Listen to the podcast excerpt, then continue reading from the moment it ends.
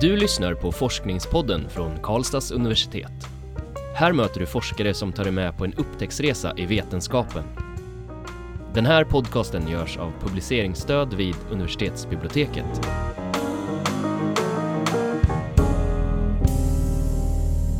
Hej och välkomna! Mitt namn är Nadja Jag heter Magnus. och med oss har vi Sara Dövodi som nyligen försvarade sin licentiatavhandling i företagsekonomi här på Karlstads universitet. Välkommen Sara! Tackar. Din avhandling heter Innovative Value Creation in Public, Public Transport och på svenska skulle man kunna säga inno, innovativt värdeskapande inom kollektivtrafiken. Ja. Kan du berätta lite vad avhandlingen handlar om? Mm. Eh, kollektivtrafik skiljer sig från de andra offentliga tjänsterna på det sättet att i deras uppdrag och hela deras existens så ligger det att locka resenärer, locka folk till sig att använda den här tjänsten. Och eh, på det sättet så måste man ju ta hänsyn till vad kunderna faktiskt vill ha för att man ska kunna ge det till dem. Samtidigt som man har en väldigt komplex offentlig organisation som har allt det här som alla de här andra offentliga organisationerna har också. Så att det jag tittar på här då är ju att försöka få in kunden och medborgaren in i organisationen, alltså deras behov och deras önskemål in i det för att skapa en organisation som faktiskt kan tillmötesgå de här behoven. Och sen så också att man kan organisera sig på ett sätt som gör att man kan nå lärande och på det sättet faktiskt kan förnya sig och även kunna tillgodose behoven imorgon och nästa år. Och. Lite kort. Hur fick du idén till avhandlingen? Eh, jag var industridoktorand på Region Värmland och eh, det var ju så jag kom in på kollektivtrafik och att det skulle vara offentligt. Eh, så det var väl lite, lite på den vägen. Mhm, Mm. okej. Hur har du jobbat i, din, i den här studien för att få fram resultaten? Jag har gjort en kvantitativ studie på resenärer för att kolla behoven, vad det är de vill ha och, eh, och kolla det lite på det sättet. Sen har jag gjort väldigt många kvalitativa intervjuer med kollektivtrafikmyndighetschefer. Så att det finns en kollektivtrafikmyndighet och på de här så finns det chefer. De har jag då intervjuat för att se hur organisationerna ser ut, hur de arbetar med detta och hur, hur man går tillväga för att faktiskt ta de här olika besluten. Så det är mycket intervjuer, långa intervjuer eh, och eh, också kvantitativa studier. Om man då tittar på dina resultat, vad tycker du är det viktigaste du har fått fram? Ja, det är så mycket viktigt.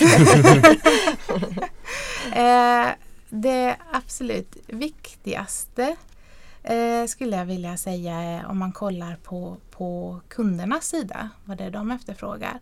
Att det är många saker som är viktiga, det är mycket som betyder någonting men i slutändan så är det tid och pengar som det hamnar i. Att sparar jag tid så kan jag tänka mig att åka kollektivtrafik. Sparar jag pengar kan jag tänka mig att åka kollektivtrafik. Sen finns det en massa andra aspekter som också påverkar. Men det är det här som är det absolut viktigaste för att jag faktiskt ska ta steget och göra valet.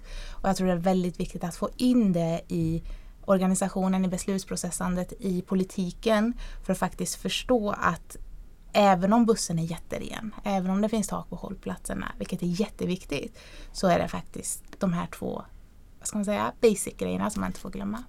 Ja, det här begreppet eh, value creation på engelska eller värdeskapande är viktigt Mm. i din studie. Kan du berätta lite om vad det betyder? Mm. Ehm, värdeskapande, man skulle kunna se det som att det är ett innovativt sätt för att skapa användarvärde. Och då är frågan, vad är användarvärde? Eh, man kan säga att det är användarens uppfattning, hur du upplever eh, en upplevelse, alltså hur du, om du är ut, utsatt för någonting eller om det är någonting du gör så handlar det om hur du upplever den. Det skapar ditt användarvärde. Hur kan vi då skapa nya sätt att för det, till exempel öka den här upplevelsen du, som du har, alltså till det positiva. Så det är väldigt viktigt att påpeka det här, det preference, att hur du faktiskt upplever den, den kan vara olika för alla. Och att man faktiskt är medveten om att det, det är det, det man gör. Och när jag pratar om det här så menar jag att jag ska ta den här användarvärdet och ha den i de här policydokumenten och de här organisationsvägarna som finns i systemet. Så jag tar med mig alltså kunden och vad den tycker in i organisationen på det sättet. Så det viktigaste användarvärdet är, är det det som du nämnde förut, det här med snabbhet och eh, att kunderna tjänar eh, pengar också på att välja kollektivtrafik? Studien visar att det, fi det finns ju många, det är många saker som skapar användarvärde men man kan säga att de här två blir som någon form av outcome som allting trattas ner till i slutet. Hur nöjd du än är med alla andra saker. Så om det blir jättedyrt och det tar lång tid så spelar det inte så stor roll i slutändan. Mm. En annan sak som du tar upp eh, i avhandlingen är att eh, de här som då har mandat att styra, alltså jag antar politiker eh, och andra som styr över de kollektivtransporterna. Du pratar om att de kan lära av användarnas uppfattningar om systemet, kundernas mm. uppfattningar om systemet. Vad är det för lärdomar som du tycker att de kan dra av kundernas erfarenheter av att åka kollektivt? Jag skulle vilja säga att de kan lära sig av kundernas behov om att det här är ju faktiskt, vi säger att Anna vill ta sig till jobbet. Anna bryr sig kanske inte så mycket om att det är fem olika organisationer som måste lägga vägen, fixa busshållplatsen, köra bussen, skriva policydokumentet om att faktiskt vi ska köra bussen och sådana saker. Utan att vi lär oss av att det är en kund som vill göra detta, den har de här behoven. Hur kan vi ta in det i vår organisation så att vi faktiskt kan vara i framkant? Så att när dina behov förändras om några år till exempel. Så kan vi tillgodose dem innan du hinner sakna det så att säga. Så att det, det är väl det jag tycker, på det sättet så kan man lära sig. Så egentligen borde man göra en konstant utvärdering. Vad är det kunden vill? Vad är det vi kan erbjuda? Är det så? Du tänker, ja, och då tänker jag inte bara att man gör en enkätundersökning så att den är gjord. Utan att man faktiskt skapar vägen att ta in detta. Att vi inte bara sitter vid ett, ett bord och tar beslut så som vi tror att det är. Men ungarna gillar att åka buss, det är kul. Utan att det faktiskt ligger grund bakom det, det finns studier som visar på det eller att man på något sätt faktiskt har grund för de besluten man tar. När du har gjort dina enkäter och pratat med myndigheterna, för så mm. har det gått till, eller hur? Du har haft den kontakten hela tiden. Ja, absolut. Hur eh, har de reagerat? Var de glada över det, dina förslag du kom med eller var det svårt att sälja in det på något sätt? Alltså myndigheterna har faktiskt varit fantastiska i det här arbetet. Det måste jag säga. De har varit jättetillmötesgående och varit med på de här otroligt långa intervjuerna. Och det här är ganska nya myndigheter. Eh, den här lagen om att det ska finnas kollektivtrafikmyndigheter kom 2012. Eller eh, blev gällande 2012. Då. Och uh, de har ju jobbat med att hitta sina roller. Väldigt många myndigheter är väldigt, väldigt små. Vi, vi lever i län som är eh, uh, glesbygda och uh, det kan sitta en person på en myndighet som ansvarar för det. Och de har varit jätteintresserade av att se hur kan vi faktiskt utvecklas. De är i nya organisationer som kan börja utvecklas, de kan få sina nya liv och identiteter. Så att de har tagit emot det här jättebra faktiskt. Är det någonting konkret som har hänt sedan du kom med dina förslag?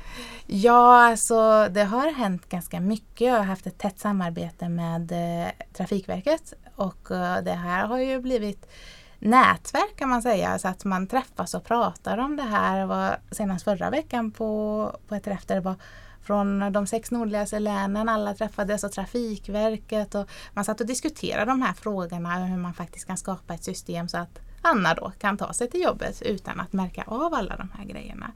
Så att um, jag ska väl inte ta åt mig hela äran men jag ska väl säga att det har varit fantastiskt att faktiskt se förändringen och vara med och, och uppleva den i praktiken så att det inte bara blir en forskning som lever för sig mm. själv utan att det faktiskt finns på riktigt. Att det blir praktisk tillämpning. Ja, precis och det tycker jag är väldigt viktigt.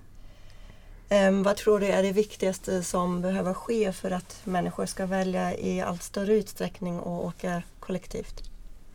Jag tror det är just det här att medborgaren eller kunden då i det här fallet, resenären, att vi skapar systemet för den. Att det ska vara lättillgängligt, att du ska kunna, kunna komma till ditt jobb snabbt, enkelt, billigt. Om det är det som är målet med kollektivtrafik, om det är att vi ska få fler att åka på grund av miljöskäl, tillgänglighetsskäl och allt det här, så tror jag att det viktigaste är faktiskt att skapa ett system som utgår ifrån resenären och dess behov. Så vem hoppas du eh, ska läsa din avhandling? Vi har ju snuddat vid det. Men... Mm, alla! eh, ja, alltså delvis så tycker jag att jag skulle tycka det vore kul om andra forskare gjorde det. Eh, för att delvis man får ganska mycket insyn i hur det ser ut i verkligheten. Eh, den är väldigt empiriskt driven, så skulle jag vilja säga. Det är väldigt mycket empiri i den. Men sen så skulle jag också hoppas på att beslutsfattare, alltså politiker, de här myndighetscheferna, att de faktiskt tittar i den och ser vad kan vi göra annorlunda eller hur är det i väldigt många fall tror jag att man faktiskt kan se, jaha, är det det det leder till, det vi gör? Att man faktiskt ser vad det man gör leder till och att man då mer aktivt kan ta beslutet om att förändra. Mm. Så att, eh, ja, det är nog de jag hoppas på. Hur eh, tycker du att du själv har liksom påverkats av, du berättade lite om de här kontakterna med myndigheterna och mm. vad det har gett att det, det låter inspirerande att, mm. att, att uh, få den feedbacken och så men hur har du utvecklats som person av att göra den här forskningen? Jag var frågvis när jag började men nu är jag mycket mer frågvis. eh, men det, är ju, det är ju en jättetuff process. Det är det från början. Eh, och eh, jag har utvecklats jättemycket. Jag har blivit väldigt mycket starkare men jag har definitivt förstått att världen är ju inte svart och vit. Det är väldigt, väldigt många olika mekanismer och aspekter som påverkar i princip allt vi gör. Så det enda jag kan göra är egentligen att bara veckla ut att det var det här som påverkade och sen så får man se på det i dess helhet och förstå att det här är bara en pytteliten del av helheten. Så att, um, ja, så skulle jag kunna säga det. Du har kommit halvvägs med din avhandling så du, mm. du har lite tid kvar tills du kommer disputera. Mm. Så, så hur tänker du göra framöver de kommande åren? Ja, alltså jag tänker ju ta, den här listan är ju mer fokuserad på hur det är inom de här kollektivtrafikmyndigheterna, alltså i en organisation. Eh, hur informationen går upp och ner och hur det ser ut. Eh, I nästa steg så tänker jag ta in andra aktörer och titta på alltså samverkan mellan aktörer, till exempelvis då Trafikverket. Hur kan man skapa de här nätverken som faktiskt då krävs för att klara av att sätta resenären i fokus och utgå med, med det som perspektiv. Så att det ska bli väldigt kul att se hur man rent teoretiskt också kan närma sig det här problemet om koordinationsproblemen som kommer finnas då när det är flera organisationer som ska samverka. Mm.